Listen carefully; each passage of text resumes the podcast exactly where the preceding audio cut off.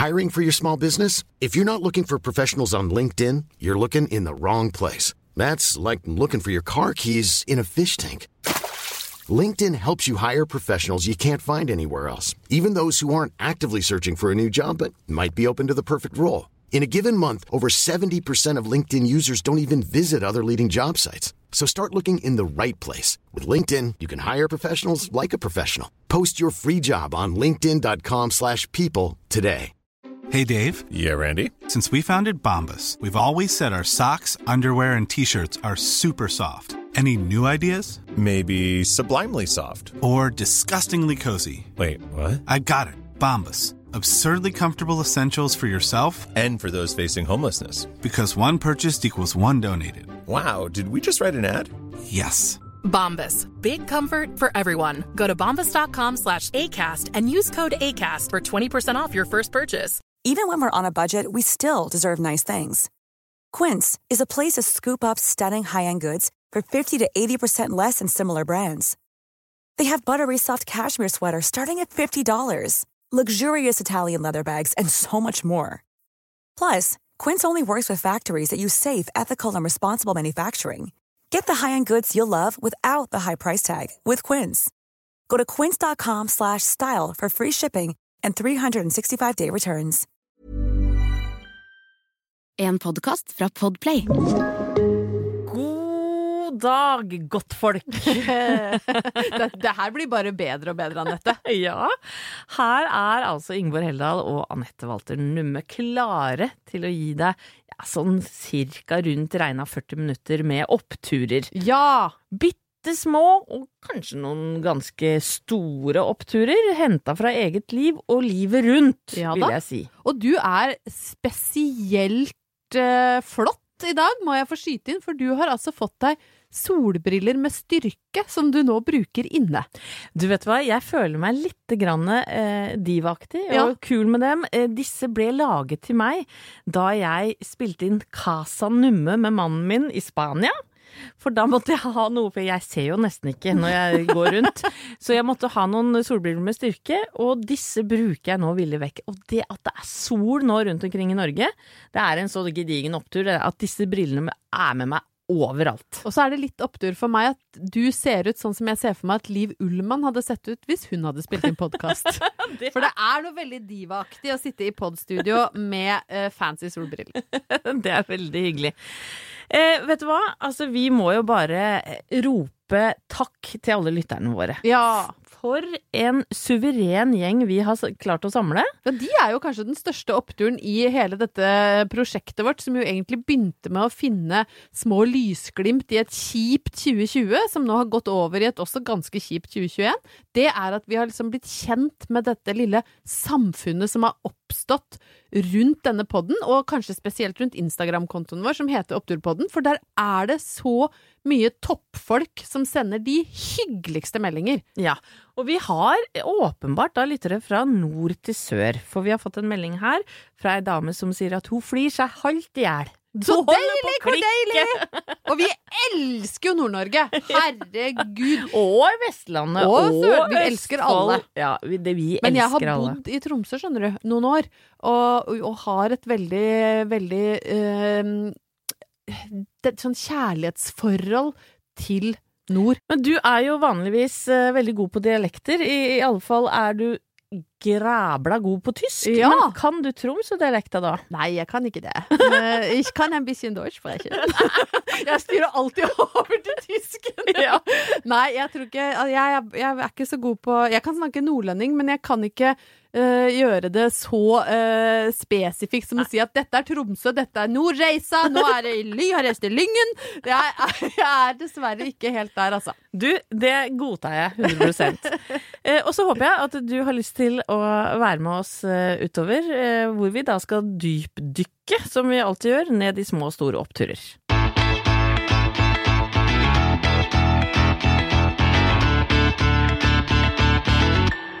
Da, eh, kjære Gullanette og alle gullfolk som hører på, da begynner knopper å briste i skogholt og parker over det ganske land. Det nærmer seg mai, og jeg må snakke om korps! Jeg Herregud. må snakke om korps. Men det er ikke første gang du Nei. snakker om korps. Nei, Later du som? Du har jo i hvert fall tre-fire ganger før har vi vært innom korps. Ja, og jeg kan si det blir ikke siste gangen. Nei, men det er greit. Men jeg kjenner når, når mai nærmer seg, så presser det seg fram et behov i meg for å snakke om korps. Og jeg blir ekstra opphissa i korpsdebatten, kan du si, når folk går ut og klager på korps. Og det er også like sikkert som at knopper brister, så kommer det noe surmaga folk og skal skrive at nå orker jeg ikke mer gammel jegermarsj. Og til og med liksom har jeg sett kjente folk bruke sine plattformer på å snakke korps ned. Og da da går av ei sikring i topplokket mitt. Hvorfor er du så glad i korps, Ingeborg? La oss ta det helt fra starten med det grunnleggende. Ja, jeg elsker korps. Og det, um, det har mange grunner. Selvfølgelig så handler det om min bakgrunn i korpset som stolt althornist. Uh, For da jeg skulle velge meg fritidsaktivitet på Brøttum, så var det en del ting som ble naturlig utelukka. Uh, Blant annet alt som hadde med fysikk å gjøre. Altså da snakker vi om, om kroppen. Jeg var jo så episk elendig i alt som hadde med ballspill å gjøre. Og jeg prøvde, da, for jeg lengta jo etter det samholdet, ikke sant, og jeg drømte jo om å være god. Jeg drømte om å liksom komme inn på fotballbanen, og det er to minutter igjen, de ligger under, og Heldal får pasningen, bryter gjennom forsvaret, setter den i krysset. Skjedde aldri. Stang inn! Åh, det var så stang ut for min idrettskarriere. Og det, det bygde seg sånn opp i meg, sant, at til slutt så ble jeg så eh, redd for å bli satt på banen at jeg satt på benken og beit negler, liksom. Jeg ble en sånn benkesliter hvor, som aldri egentlig fikk spille. Han tre, stakkars treneren prøvde liksom å sette meg utpå med briller, og det dugga, jeg bomma på ballen, og jeg ble en byrde for laget, sant. Og så er det litt den mentaliteten På Brøttum så var det sånn alle skal få være med hvis de har lyst. Men for meg så ble det bare en endeløs rekke med sånn vonde nederlag. Jeg var så dårlig i håndball, jeg var kjempedårlig i fotball, jeg løp sakte, jeg klarte Jeg fikk det ikke Uff a til. meg, dette er jo bare triste ting. Ikke klarte å gå på skøyter, jeg ble sånn kalvebeint, du vet sånn knærne trakk seg mot hverandre mens jeg gikk bortover på hockeyskøytene og tenkte Nei, det var bare sorgen. Eh, Så da ble jeg etter hvert en del av korpset, sånn i ni-tiårsalderen. Og det viste seg å bli så viktig for meg. Eh, og nå er jeg helt alvorlig, og vi tuller mye, men for meg så var det på en måte noe av det som ga meg trygghet og mestring i en litt kjip periode i livet. For det var ett sted du ikke ble benka, og det var i korpset. Der fikk jeg liksom kjenne på det samholdet, og, og jeg ble etter hvert ganske decent flink til å spille også, og klarte å senke skuldrene såpass mye at jeg til og med greide å være meg sjøl, da. Være litt artig, og, og oppdaga plutselig at shit, det er jo noen gutter faktisk som syns det er gøy å snakke med en bebrilla altornist, når jeg bare greier å være meg sjæl, og, og jeg er ganske morsom, og kjenne på den følelsen der. Så deilig. Ja. Men, men eh, og jeg må jo si at eh, jeg er også veldig glad i korps. Jeg var jo drillpike sjæl. Gudskjelov for det, for hvis ikke så hadde det blitt en splid i vårt uh, bunnsolide vennskap. Jeg vet det. Eh, Men eh, jeg er ganske imponert over korpslederne, som da gjennom ganske mange år må høre på surt spill. Ja da, for, For det tar litt tid før en aspirant blir flink. det gjør det, og spesielt hvis du uh, spiller i eh, et janitsjar-korps som har med seg de forræderiske treblåserne. De eh, har jo en tendens Klarinetten, tenker du på? Ja, den har jo en tendens til å pipe litt ut i alle retninger før du blir skikkelig god. Men eh, jeg har eh, akkurat nå faktisk, for jeg holder på å lage en annen podkast òg, som heter Frivillig med Solveig Kloppen. Og det handler om da frivillige landet rundt. Og da snakka jeg med en kar fra Bergen som heter eh, Egil Andreas. Og Ja. han er 19 år, og han er da sjef for Nygårds bataljon, som da er buekorpset, et av de mest legendariske i Bergen. Og han fortalte det at da han var ni år, så blei han eh, rett og slett verva på skolen. Da kom de på skolene, og så lokka de med bowling og sånn eh, lasertag-spilling. For det viser seg jo korpset, eh, buekorpsene er jo veldig mye mer enn tromming. Tromming gjør de bare et par måneder i året, og ellers så henger de i hop som en sånn derre ihuga, genuin kameratflokk. Og han sa det, fra han var 9 til eh, eh, nå 19, da, så har han jo gått en lederskole, ikke sant, for dette er jo da korps som leder seg sjæl. Det er ingen voksne involvert, det er bare unge gutter og litt større gutter. Og det derre samholdet der, og han hadde fått jenteråd og utdanningsråd, og nå var han jo da 19 og ferdig. Og når du er, har vært sjef da, og blitt demokratisk eh, på en måte, hva heter det, eh, valgt, så er du ferdig etter at du er, har vært sjef. Så da er det bye bye korpset. Da har du ikke lov til å være med lenger. Men jeg bare tenker at for en reise, og for et, eh, for et kul greie som fins i Norge, som jeg aldri egentlig har eh, eh, tenkt over. Og hvor mye glede det er i korps rundt omkring, da. Og det er derfor jeg blir så hakkande sur når jeg ser kjente folk bruke tid på å snakke korps ned. Å, jeg gruer meg til 17. mai, for da kommer de korpsa trekkende og spiller gammel legermarsj. Da blir jeg sånn, ta deg sammen! For midt inni det korpset der, så går det kanskje en liten althornist, da, som en dag i året går sånn litt ekstra rett i ryggen fordi det blir ikke 17. mai uten korps, og som plutselig har liksom det ene stedet hvor du fader meg ikke blir benka. Derfor så skal vi omfavne korpsene våre. Jeg elsker å høre gammel jegermarsj. Jeg griner hvert eneste år. Kan du synge litt grann for oss? På, med, sånn, med, med sånn korps øh, Ja, jeg øh, Nå sa jeg jo at jeg spilte althorn, da, men du kan få høre hvordan 17. mai var øh, for meg. Hvis jeg da for eksempel spilte Holmenkollmarsjen, så var dagen min 90% av dagen var sånn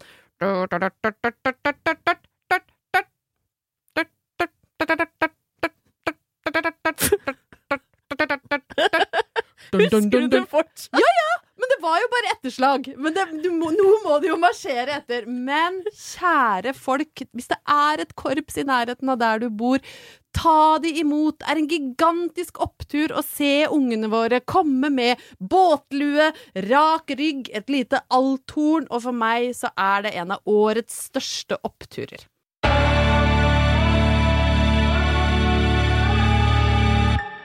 Du begynner å kjenne meg ganske godt nå, Ingeborg. Det vil jeg si. Eh, og som regel så drar jeg da med meg noen oppturer fra domboksen. Ja da! Ja, og domboksen er jo TV-en, for Ja. den som eh, ikke skjønte det. For det har blitt noen timer foran domboksen i løpet av disse koronamånedene, og skal jeg være helt ærlig, lenge før det. Ja da. Det, men det er veldig deilig å kunne lene seg på at nei, korona gjør jo at jeg ser mye på TV, for da er folk liksom, vet du hva, det skjønner jeg så godt. For da trenger du ikke forsvare det eller forklare det på noen måte. Så Nei. det tenker jeg vi tar med oss ut av korona òg. Ja, men det skal vi gjøre, og jeg er stolt av det. Dette er blind, hobbyen min. Hva er rekorden din i antall timer, tror du, foran TV-en på én dag? Å, fytti er vi oppe i rakkeren. 14, Ja, liksom? det tror jeg kanskje Ja, det kan ja, være. Ja. ja. Det kommer an på om det er en god serie man binger, da. Ikke sant? Men det tar like lang tid å se en dårlig serie, Ja, Anette. det er helt riktig. Men nå skal eh, Altså, denne oppturen jeg skal bringe til torgs nå, den, eh, den går tilbake til 2014. Oi! Fordi da eh, satt mannen min og jeg i hver vår sofa, for det pleier vi å gjøre, og så hadde vi hørt om en ny doku-såpeserie som het Iskrigerne. Og dette er jo da Vålerenga ishockeylag som da har blitt filma på trening, i garderoben, før kamper, hjemme hos de forskjellige spillerne. Hjemme hos Jan Tore Kjær, som er da mafiabossen på toppen, eh, og selvfølgelig Espen Sjampo Knutsen, som, eh, som var da treneren til disse. Så kameraene var med overalt. Før og etter og under og så videre. Og Kjær er jo en legende. Det må jeg bare skyte inn. For en legende. En helt rå type, men jeg hadde jo aldri hørt om Kjær Nei. før jeg så Iskrigerne på TV, ikke sant? Dette gikk jo på Sumo, det ble laget Jeg tror første sesong var 20 episoder, jeg. Så da blir du ganske godt kjent med disse spillerne òg, ikke sant? Og, og Espen eh, Vesle Tassen, er det lov å si? Er det sjampo du snakker om nå? Ja. Grusom ting å si! ja, er han så liten? Nei, jeg veit da faen. Han er vel kanskje Samme det. Ja, ja, han altså- blir jo kalt sjampo, ja, sant? For Men det betyr ikke at du er en liten tass, sjøl om du nei, blir kalt sjampo. Han det fikk det ikke. fordi at faren var fris... Hadde ikke faren frisørsalong? Jo, han ble kalt såpa. Ja. Men i hvert fall, Espen, samme om han er høy eller lav, det spiller ingen rolle. Han er en knakende kjekk kar. Han er en mastodont uansett. Og en fantastisk trener for dette laget, da. Og jeg må jo si, jeg blei jo eh, akutt forelska, for det første, i veldig mange av spillerne. Altså Erik Follestad, du hadde Brede Cæsar, du hadde jo da Må ikke glemme Ylven. Bonsa og Ylven. Og jeg beklager hvis jeg høres ut som en sånn gammel grisekjerring, men det er klart at eh, det å få være flue på veggen inne i garderoba der innimellom, ja det Men jeg lærte noe nytt av komiker Trine Lise Olsen når eh, vi spilte inn Adresse Rotterdam sammen, fordi da var det noen som var så kjekke i det ene bandet. Og da sa, sa jeg til henne jeg, jeg, jeg vet ikke helt hvordan jeg skal ordlegge meg, for jeg føler at jeg er for gammel til å si hva jeg egentlig mener om disse gutta i det bandet. Og da slo Trine Lise i, ikke bordet, men i stole, armlenet på stolen og sa Vi er aldri for gammel til å sikle på folk! Det, det kan vi ikke bli! Og det kjente jeg sånn Nei, vet du hva? Det, vi skal ikke være grisete kjerringer her, men man må aldri bli for gammel til å sikle litt Nei, folk. Og det var- var jo ganske røslige karer, dette her Ja, òg. flotte karer. Og jeg må jo si at jeg kommer fra Åsgårdstrand, og vi har ikke noe hockeymiljø i Åsgårdstrand. Ikke i det hele tatt. Så jeg, på en måte, dette var helt sånn nytt for meg. Og de har jo en eh, eget eh, Altså, de de har jo en ordbok med egne hockeyuttrykk, for eksempel. Jeg vet ikke om du visste det? Jeg, jeg kjenner ikke til altså på, For Lillehammer Brøttum har jo ikke noe hockeymiljø, men Lillehammer hadde et ganske blomstrende hockeymiljø, i hvert fall inn mot OL, med en god del ganske kjente spillere også, og det ble jo bygd flotte ishaller, sånn at, eh, sånn at jeg er ikke ukjent med, med hockey. Det, det må jeg bare si. Vi, det var såpass hockeyfeber på Brøttum når det var VM en gang på slutten av 80-tallet, om det var 88 eller når det var.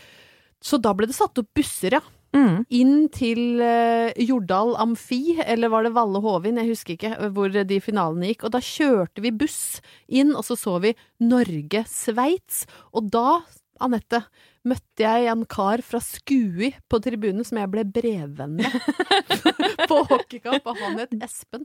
Og vi, det var ikke sjampo, det var en helt Han annen var Espen. oppkalt etter Espen Det kan sikkert. godt hende at han var. Og Ja. vi sendte brev til hverandre, og det var det mest spennende som hadde skjedd meg noensinne. Så hockey har jeg mye kjærlighet for. Men sånn uttrykksmessig så tror jeg at jeg kan kaste inn i potten susp, vant og puck. Og det ja. stopper der. Å ja, men dette, dette er jo da konkrete eh, navn på ja, forskjellige Ting de bruker, remedier. Ja. Men, men de har jo helt eget språk, ikke sant? Sjukehus bruker de jo veldig. Det er Ja. helt sjukehus. Da er det oh, craziness, ikke sant? Og så har vi jo da De kaller hverandre Altså, det, ingen heter det de heter. Det er jo Bonsa liksom. Man kutter navnet. For eksempel Brede Cissar hadde en kjæreste, jeg tror det er ekskjæreste nå. Hun het Veronica, hun ble kalt Runka. Ikke sant? Sånn. Ja. ja. Så raust er det. Så, Det er graust, faktisk. Det er, det er ikke bare raust, men det er graust. men så har jeg da eh, For jeg minnes at det var flere uttrykk som jeg eh, la merke til da jeg så på Iskrigerne og ble eh, jo forelska i hele universet. For eksempel egg i buksa, veit du hva det betyr? Egg i buksa? Mm. Aner ikke. Har du egg i buksa, så er du en kylling. Men hva, pyse det? Ja, da er du feig. Ja. Eh, For eksempel eh, helt Karl Johan i egen sone. Det betyr at det er åpent, eller? Ja, når når man er rett og slett dårlig defensivt og gir motstanderen en åpen eh, paradegate opp til mål. Shit, der var jeg god. Ja. Kokos? Eh, er det sånn man gnister oppå hodet? Nei, jo, det òg sikkert. Men det er når du ikke henger med og står i fare for å ende ute i hagen, og det å ende ute i hagen, ja, da er du ikke bra nok. Og dette elsker jeg, Anette. Naken i slottet, veit du hva det er? Nei, da har du blottstilt deg i forsvar eller noe, eller? Ja. Det er ikke så gærent. Stå alene uten å være markert av motstander. Ja. Og så har du da opp i redet. Opp, opp i red, Altså, er det, bety- er det det samme som opp i ringa? At du må liksom Nei, det er to forskjellige ting. Å, ok, opp i redet vet jeg ikke. Nei, da slår du, eh, eller du setter pucken i nettet mellom tverrligger og stanga bak mål, men opp i ringa, ja, da er det på tide å ta seg sammen. Ja, for det uttrykket, det har jeg hørt. Nå, nå må du opp i ringa. Og så er det en som er veldig fin. Reker og majones. Nei, reker og majones er godt, og uttrykket kan brukes på angrep, pasninger og skudd. Fy Så hvis du har en skikkelig skikkelig lissepasning, så kaller du for er det reker og reker majones. Ja, men vet du hva, jeg er ikke ukjent med, med matrelatert uh, hockeyting heller, skjønner du. Fordi jeg var jo såpass opphengt i hockey en periode. Uh, og da var det uh, De som var iskrigerne da, de het jo litt, uh, litt andre ting. Men det var jo blant annet de der Lars og Arne Berseng fra Lillehammer. Og så var det en som het Steffen Foyn, som var jæskla god. Og han var fra Sarpsborg. Og etter at han var ferdig som hockeyspiller, så han, fikk han en alternativ karriere som sånn eh, Så han hadde et gatekjøkken i Sarpsborg som het Foyns, og det gikk det gjeter om at det var fader meg den beste burgeren i Norge. Så når jeg da liksom typ 20 år etter dette, at første gang jeg hørte om Foyns, fikk meg kjæreste som på det tidspunktet bodde i Sarpsborg, eller hadde familie i Sarpsborg, det er fortsatt altså Halvor Haugen som jeg er gift med, så første jeg ba han gjøre, var å kjøre meg rett til Foyns og få på ei skikkelig hockeyburger, og den var dritgod. Det var reker i majones, altså. Det er dedikasjon, og grunnen til at jeg driver og mimrer om iskrigerne, er jo fordi iskrigerne kommer tilbake! Ikke sant? Nye iskrigere, og de blir jo kalt da gladiatorer, fordi at de kjemper med nebb og klør på, på isen, ikke sant? Så nå kommer Jan Tore Kjær tilbake, Espen Sjampo er med, og nye, digge lekkerbiskner i kjempestore gevanter og med susp mellom beina. Så det er for meg en vanvittig opptur. Da kaster jeg meg på og sier at her, Walter Numme, er det bare å komme seg opp i ringa, for dette blir helt sjukehus. I'm Sandra, and I'm just the professional your small business was looking for. But you didn't hire me because you didn't use LinkedIn jobs. LinkedIn has professionals you can't find anywhere else, including those who aren't actively looking for a new job but might be open to the perfect role, like me. In a given month, over 70% of LinkedIn users don't visit other leading job sites. So if you're not looking on LinkedIn, you'll miss out on great candidates like Sandra. Start hiring professionals like a professional. Post your free job on linkedin.com/people today. Since 2013, Bombas has donated over 100 million socks, underwear, and t-shirts to those facing homelessness. If we counted those on air, this ad would last over 1,157 days. But if we counted the time it takes to make a donation possible, it would take just a few clicks. Because every time you make a purchase, Bombas donates an item to someone who needs it. Go to bombas.com slash ACAST and use code ACAST for 20% off your first purchase. That's bombas.com slash ACAST, code ACAST. Even when we're on a budget, we still deserve nice things. Quince is a place to scoop up stunning high-end goods for 50 to 80% less than similar brands. They have buttery soft cashmere sweaters starting at $50, luxurious Italian leather bags, and so much more. Plus, Quince only works with factories that use safe, ethical, and responsible manufacturing. Get the high-end goods you'll love without the high price tag with Quince. Go to quince.com slash style for free shipping and 365-day returns.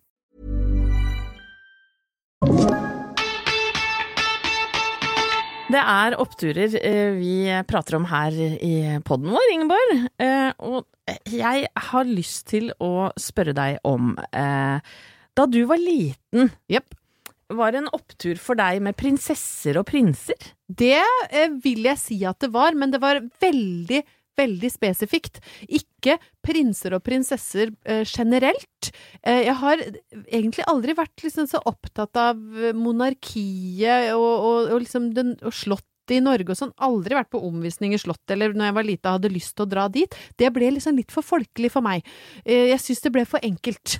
Eh, for enkelt og jordnært. Ja. Eh, Så jeg fikk først ordentlig prinsesseanfall da Diana trådde inn i rampelyset og gifta seg i bløtkakekjolen over alle bløtkakekjoler. Da kjente jeg at det kicka inn et sånt skikkelig prinsessegen. eh, Og, og, men det kom nok ganske mye av glamouren og mystikken rundt Diana, og den dag i dag så er jeg ekstremt fascinert av henne og hennes historie. Mm. Men, og, og, generelt britisk monarki, for det er så voldsomt, sant? Det er så mye. De har jo holdt på i tusenvis av år og kjempa i frontlinjene sammen med folket sitt. Henretta koner, bygd masse slott, har kronjuveler på størrelse med hodet mitt. Altså, det er noe sånn Det er noe voldsomt over det britiske kongehuset Ja. som jeg liker litt, da. Men du hadde ikke noe ønske om å være prinsesse som liten?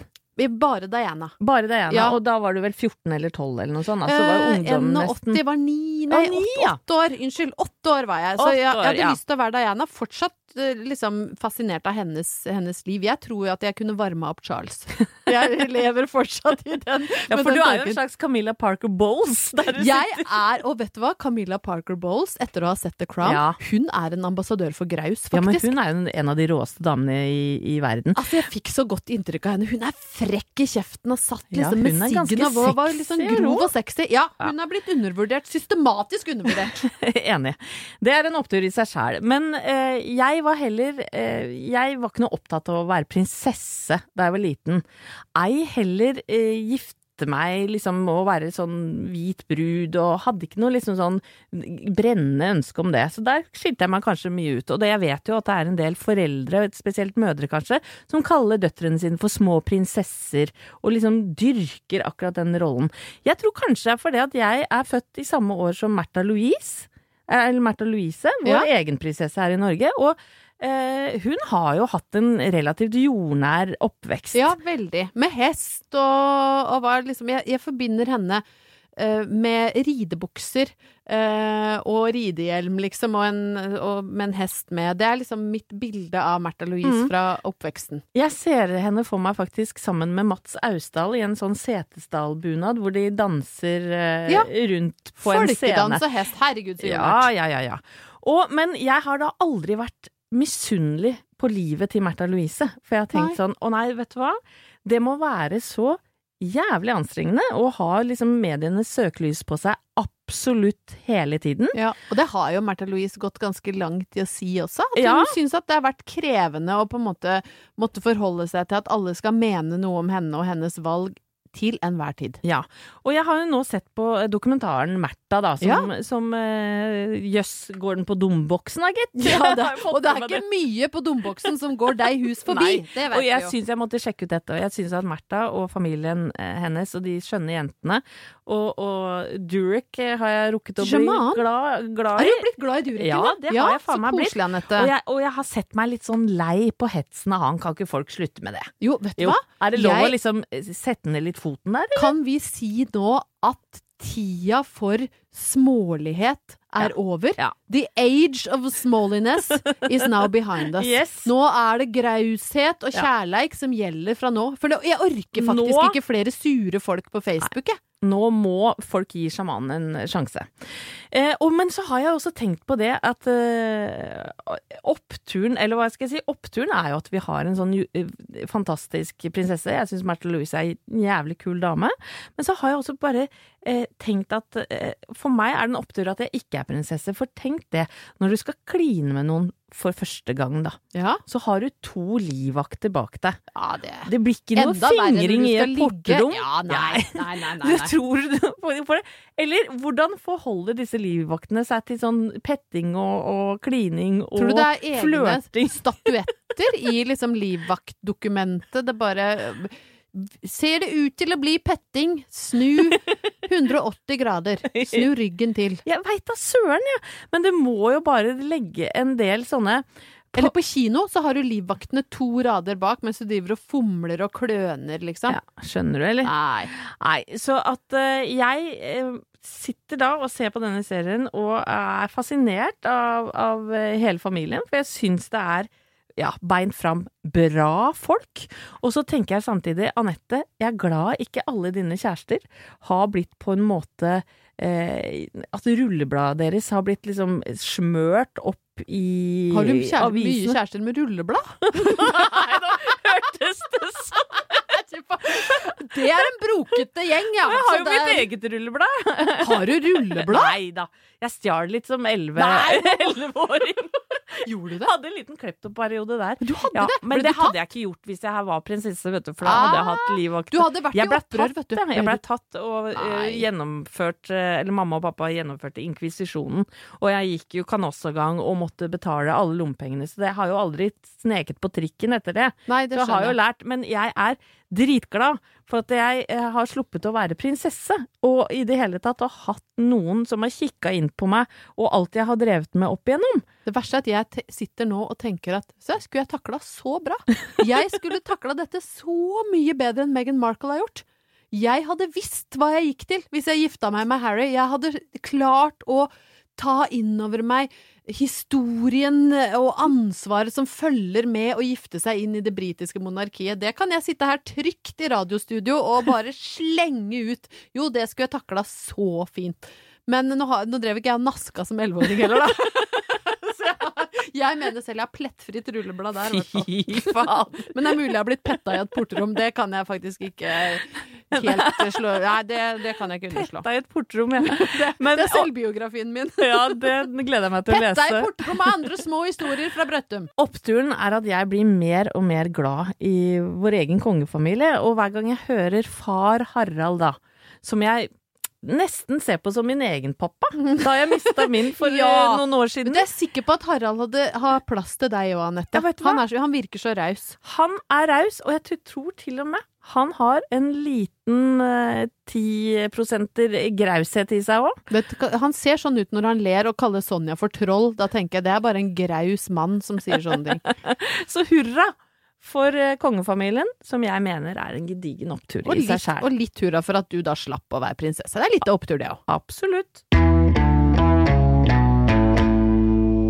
Anette, nå eh, gikk jo lytterne våre faktisk glipp av at hvor døll jeg kan være. Eh, for inn i neste stikk nå så valgte jeg liksom å tulle med det og si sånn Let's talk about sex, baby. Det, Ja. Dette er så flaut. Det er en gammel referanse, ah, det er så flaut. Heldal. Ja, det er pinlig. Det er, det, er sånn, det er sånne ting som gjør at jeg vet sønnen min kommer til å skamme seg over meg veldig, veldig, veldig mange Å, ganger. velkommen i klubben. Men Da- han er så søt, og i går så, så fortalte han at de stakkar de har begynt med pubertet på eh, skolen nå, for han går jo i sjette klasse. Og så og er jeg jo gift med en mann som er eh, ikke bare journalist, men også musiker, og som lager mye sanger, og som tuller mye med musikk. Og da spør alltid eh, Håkon meg på kvelden hva har vi på skolen i morgen, og så åpner jeg ukeplanen, og så ser jeg. Og så sier jeg jo, og i tredje time så har dere eh, samfunnsfag, og da er det om pubertet. Og så sitter da Halvor Haugen litt sliten etter å ha vært møtt to kompiser han ikke har sett på lenge, så han satt i saccosekken med en brus og to pledd, og vi så liksom bare øya hans, og så begynner han å synge sånn Puberty! Yeah! Og da Jeg så på fjeset til Håkon, og han var sånn Men pappa, det vil han helst slippe. Altså, han var sånn er vel, Pappa, du er jo en bra ikke. fyr, liksom, men dette her kan Under din verdighet. Ja, dette kan ikke skje igjen. Så så dølle uh, har vi blitt. Men jeg begynte å tenke da på dette elskede barnet mitt som nå skal opplyses om kroppen og det som skal skje i kroppen av litt sånn kleine lærere da, eh, i, i klassen, og, og, det, og så begynte jeg å tenke på herregud, min egen inntreden til eh, kropp og seksualliv. Det, eh, da, det, vi hadde jo noe på skolen, det hadde vi. Eh, en sånn kjempebeskjemma naturfaglærer som tredde en kondom på en banan, liksom, mens meg, alle ja. holdt på å le seg i hjel. Eh, og utover det så fantes det svært begrensa. Ja, for det har, det har ikke blitt sånn i 2021 eh, som eh, John Cleese eh, gjorde på ja, var det Monty Python, tror jeg. Hvor han og kona lå med hverandre foran klassen.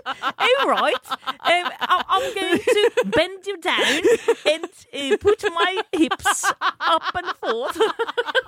Å, jeg skulle ønske at lytterne kunne sett den lille jokkebevegelsen du gjorde med hånden. Ja, men, det som er så morsomt med det, er at alle, alle elevene sitter jo bare og gjesper og kjeder seg mens de har seg oppå pulten. Det er veldig gøy. Nei, vi har, vi har jo ikke kommet dit ennå. Nei, og, og, og da begynte jeg liksom å tenke på hva var det egentlig som introduserte meg eh, til sex, da? Fordi det var jo vitterlig ikke den eh, lille undervisninga vi, vi fikk, hvor det var et bilde av en livmor og Det ble du ikke kåt av, altså. Nei, du ble det var ikke flaut, så Og det var veldig lite snakk om det å på en måte eie den følelsen og få lov å være kåt. Og Mm. selv om mange jo snakke om at ungdommer i dag er liksom utsatt for for mye informasjon, da. At det er, det er pornhub, og det er så mye på nettet som du ikke vil se, og, Men samtidig, hvis du vil, så fins det jo også god informasjon å få tak i gjennom for eksempel sinnssykt kule sexologer som Tuva Fellmann, som er med på liksom å ufarliggjøre kropp, og det fins podkaster eller TV-programmer, altså Superkroppen på, på NRK Super, hvor, som, som normaliserer kropp på en måte som vi jo ikke hadde eh, når jeg var 12-13, da. Det vi derimot hadde, som jo ble min kilde til seksualopplysning, det var det uovertrufne magasinet Romantikk. Å, romantikk! Åh, jeg elska romantikk! Altså, jeg hadde så mange romantikkblader, og jeg husker jeg var på ferie med mamma og pappa, og vi skulle kjøre ned til Frankrike, eller hvor det var, og vi kjørte gjennom sånn fantastisk landskap, og mamma og pappa var sånn Se nå, Ingeborg, liksom, se, nå kjører vi liksom over solsikkeåkre og kyststriper som var liksom blendende vakre. Jeg satt med nesa nedi romantikk og hadde rett og slett ikke tid til å kikke opp, for jeg ble utdanna av den gjengen som lagde Ja, romantikk. for det var ikke solsikkeåkrene som gjorde deg kåt. Jeg ble ikke kåt av solsikkeåkre. Jeg ble derimot ganske oppspilt av en del av de intime betroelsene, Ja. historien om mitt første kyss. Ikke å forglemme fotonovellen, som alltid var da på permen, som handla da liksom om romantiske forviklinger. Og så var det kontaktannonser, som ofte var veldig sånn da, For å få kontakt med gutter, så lærte jeg at du må ha veldig sånn friskt språk. Og her er det blant annet to jenter som skriver Wow! Look here, sweet boys! To ville jenter på 16 år søker barske gutter. Våre interesser er Billy Idol, feste, feste, feste, og selvfølgelig barske gutter. Vi røyker og er avhengig av tyggis. Det, altså, sånn måtte du skrive, da. For å, og dette, jeg sugde jo til meg bare OK, hvis jeg skal få kontakt med gutter, man var glad. i Feste, jeg må røyke, jeg være sånn wow! Og så må jeg bruke ord som rå, vill og barsk. Herregud, jeg Men- kan ikke huske at det var så sprelsk. Det er ganske sprelskt, altså. Og det er mye sånn beskrivelser, altså ikke grafiske beskrivelser av kjønnsorganer, som du jo kan finne nesten hvor du vil nå, bare ved å, å to tastetrykk på nett, men det var litt mer sånn det var jo antydningens kunst, sant, hvor du skjønte liksom Ofte gikk de i sånn løse bukser, og så var det noe, liksom noe som skjedde i de løse buksene, og som du skjønte ah, det er et bevrende lem. Og det var ofte ord som ble, ble brukt da at han Bevrende lem, ja. Stoltheten, manndommen og det bevrende lemmet. Åh, Ja, så var mye, mye forventning knytta til det mannlige kjønnsorganet. Forsvinnende lite knytta til det kvinnelige. det var ikke noen blomstermetaforer der? Ikke Ja, det, roser eller noe? det var nok en lita rosenknopp eh, som ble avflowered sånn innimellom. Ikke noe særlig grottemetaforer, for det ble for grovt igjen, ikke sant? Skjønner. ikke, men så har jeg funnet da, og den må jeg dele med deg og lytterne, for dette var da hvordan vi jenter ble, etter at vi da hadde sett bevegelse i den løse linbuksa og skjønt at her er det en stolthet som skal fram, så er det da dette som skjer med Og jeg elsker at du fnyser. Du skal få låne det romantikkbladet etterpå. Men dette er da det som skjer med jenter eh, første gangen oh, vi har Ja. sex. Og da etterpå så nå vil jeg du skal prøve å tenke tilbake. Når hadde du sex første gangen, og var det sånn? Jeg trenger ikke noe mer detaljer, Nei. men var det sånn som dette? Og denne historien heter altså Elskere i natten. Og her går vi rett på sak. Og det er illustrert med en nydelig tegning av Christian og Grete. Det er det de heter. Mm. Han er, han er mørk, hun er blond. De er, de er nakne, men han har et slags lendeklede. Har han det? Ja, sånn som ligger liksom Men andre steder i de- verden? Ja, vi, nei, Nei. de er norske, men vi skal ikke se stoltheten. Vi skal bare ane at den er Ja. Mm. Han lå naken over henne. For første gang lå en naken mann over henne, like så nakne kropp. Hva nå det betyr. Og det var fantastisk. Åh. Nå har han lagt seg oppå. Hun skrek til, kort og intenst, av en uutholdelig smerte. Så spør lille Grete. Lille Grete. Er jeg kvinne nå? Og da svarer Christian ja, Grete lille. Ja. Prikk, prikk, prikk. Og da har hun altså Da har hun, har han putta den inn, hun har skreket til. Og, Så, så, så begynner han å liksom bruke stoltheten sin, da. Smerten var over, og en splintret verden hadde fanget opp skriket hennes, fått det sakte til å gå over i henrykte, klynkende gisp. Jeg er Å, du er Å, Gud! Det var som om verden eksploderte, og hun ble svimmel, halvt bevisstløs, falt tilbake i putene, gråtende av nytelse og glede. Kan si det går bra for Grete, ass! Christian leverer, og så er Christian ferdig. Grete har, eh, er ikke lenger jomfru. Så tar Christian De er på hytta, tydeligvis, for nå tar Christian på seg skia, kjører ut, og Grete, lille Grete, står igjen på verandaen og sier Villdyret vender tilbake til sitt rike. Dette var altså hvordan vi lærte at sex skulle være første gangen, og så slutter hele historien med Hele Gretes indre var i opprør, men likevel lyste én klarhet for henne. Fantes det etter denne dagen bare én? Christian, og han måtte hun ha. Hun måtte. Men villdyret måtte vende tilbake til sitt rike. Christian hadde ikke tid til noe fast forhold. Nei, men i svarte Christian skulle rundt og levere nytelse til de som ville ha. Så her har vi altså lille Grete, sex for første gang, utholdelig smerte i en, og ender i en voldsom orgasme, og en mann som drar med en gang og er ferdig. Nei, altså, dette er jo verre enn Pornhub. Ja, det er jo litt verre. Altså, dette var jo måten jeg tenkte ja ja, Nei, det, det vet du hva? ikke, jeg det- gleder meg til første gang jeg skal ha sex, for det her virker jo både lett og behagelig. Ja, du, du gleda deg vel til det fordi at mannen stakk? Ja, slapp å, å ha den kleine praten etterpå, si. Jeg tror ikke jeg hadde tenkt at det skulle være noe kleint. Jeg, men det jeg kan si, da, uten å utlevere for mye, at første gangen jeg hadde sex, var absolutt ikke sånn. Eh, Nå var det riktignok med en kjæreste, så han stakk ikke etterpå, men eh, for det første så var det ikke så veldig vondt. Jeg var litt sånn Når kommer den intense smerten som jeg nesten skal besvime av, som skal gå over i voldsom nytelse? Det var mer litt sånn Jukk, jukk, jukk. Ja, da, da har vi gjort det. Og så var man litt sånn ja, nei, nå er jeg ikke jomfru lenger. Nei. Men altså, fy fader, hvis jeg skulle forholdt meg til det her, Anette. Nei, fy fader. Og selv om det nok er mange som føler at det kan bli vel mye sex i monitor, så er det i hvert fall mulig for ungdommer i dag å finne litt mer realistisk informasjon enn det romantikk hadde å by på, og det er i hvert fall en opptur. Ja.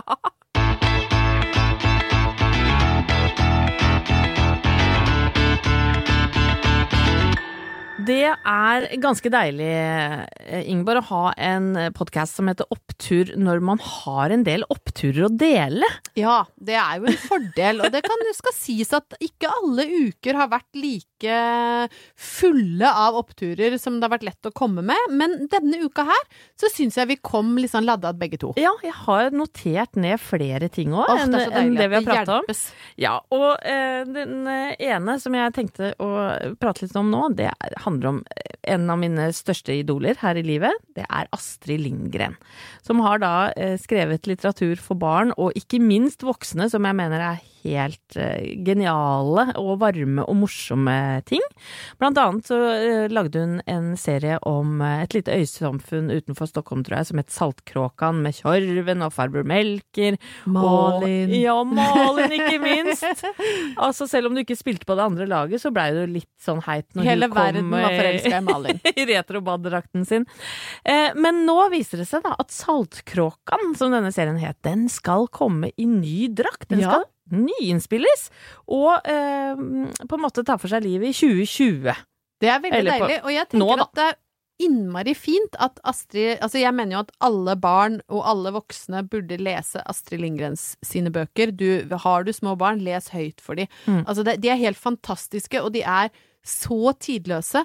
Men når, akkurat når det gjelder filmatisering, så syns jeg det er litt kult at de får lov å gjenoppstå i ny drakt, til Mm. glede for, for nye seere. Fordi litteraturen har på en måte noe mer tidløst over seg enn TV-produksjon. Så selv om jeg elsker å se de gamle innspillingene, så tenker jeg at det kan være fint å lage det i ny drakt, sånn at de ungene som er vant til kanskje litt høyere tempo og litt annen estetikk, også føler slektskap da, til disse fantastiske eh, karakterene som Astrid Lindgren har gitt liv. Mm.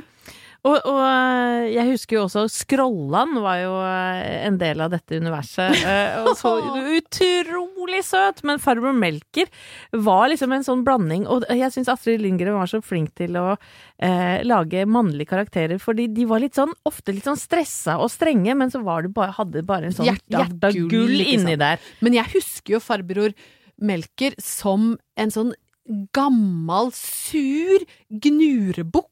Altså sånn skikkelig gammel gubbe. Og han skuespilleren, Torstein Liljekrona, som han het, vet du hvor gammel han var da, da de spilte inn eh, Livet på Saltkråka? Par og 70, kanskje? Ja, sant. Det er Ja. sånn jeg tenker. At han var sent i 70-åra. Han var 43. Nei. Han er, han er fem år yngre enn meg! Nei, du tuller med meg, eller? Nei, jeg fikk helt sjokk Herregud. når jeg så det. Og det var lagt ut med så morsom Ja. tekst også. Da har man eh, presis funnet ut at Torstein Lillekrona var eh, 43 når han spilte inn eh, Vi på Saltkråkan. Alderspanikk kom til meg. Altså sånn kjente jeg så på. Han var da yngre enn vi er nå, Anette, og vi så på han som en gammel gubbe. Det er jo ikke greit, men er den, ikke greit. den må vi dele på Oppturpodden. Ja, jeg skal legge det ut. Ja, og for det er Insta-kontoen vår, og der får vi så mange hyggelige meldinger. Og det er helt åpenbart at vi har fått flere mannlige lyttere, det sa vi Ja. sist òg. Eh, her er nok et bevis fordi vi da er vennskapspodden til langkjøring med Geir Skau. Ja. Eh, fra en som kaller seg Ortodonten, men han heter Jan i virkeligheten. Det Jeg kaller han Jan, jeg. ja. Han sier det at eh, Og deres pod er virkelig artig og god, og har gitt denne helgen en diger opptur. Stor takk til Skau, som nevnte dere og deres pod. Gleder meg til fortsettelsen, og lykke til videre. Nei, men Jan, så trivelig! Takk skal du ha, Jan. Og takk skal du ha, Geir. Og da må jo vi kontre og si altså alle må høre på Langkjøring med Geir og Bo, som er vår favorittpod, bortsett Ja. fra denne, da. Og de er grause, og det betyr grove pluss rause, og vi mener jo det, og det står vi for, at livet eh, med en, en graus overskrift blir veldig mye bedre å leve. Ja, være litt grov, være litt raus, både mot seg sjøl og andre. Ja. Og det betyr at med det fine visdomsordet, Det, det, vet du hva, det er, det er som poesi i mine ører.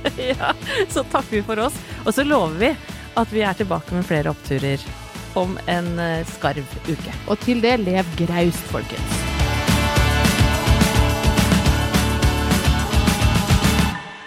Du har hørt en podkast fra Podplay.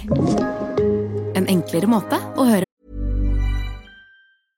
Hey, it's Paige DeSorbo from Giggly Squad. High quality fashion without the price tag. Say hello to Quince.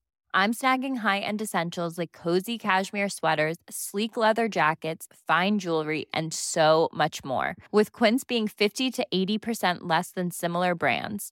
And they partner with factories that prioritize safe, ethical, and responsible manufacturing. I love that. Luxury quality within reach. Go to quince.com slash style to get free shipping and 365 day returns on your next order. Quince.com slash style. When you make decisions for your company, you look for the no brainers. And if you have a lot of mailing to do, stamps.com is the ultimate no brainer. It streamlines your processes to make your business more efficient, which makes you less busy. Mail checks, invoices, legal documents, and everything you need to keep your business running with stamps.com. Seamlessly connect with every major marketplace and shopping cart. Schedule package pickups and see your cheapest and fastest shipping options from different carriers with rates up to 89% off USPS and UPS rates. And with the stamps.com mobile app, you can take care of mailing and shipping wherever you are. Make the same no-brainer decision as over 1 million other businesses with stamps.com. Sign up with code program for a 4-week trial plus free postage and a free digital scale. No long-term commitments or contracts. That's stamps.com. Code program. podkast på.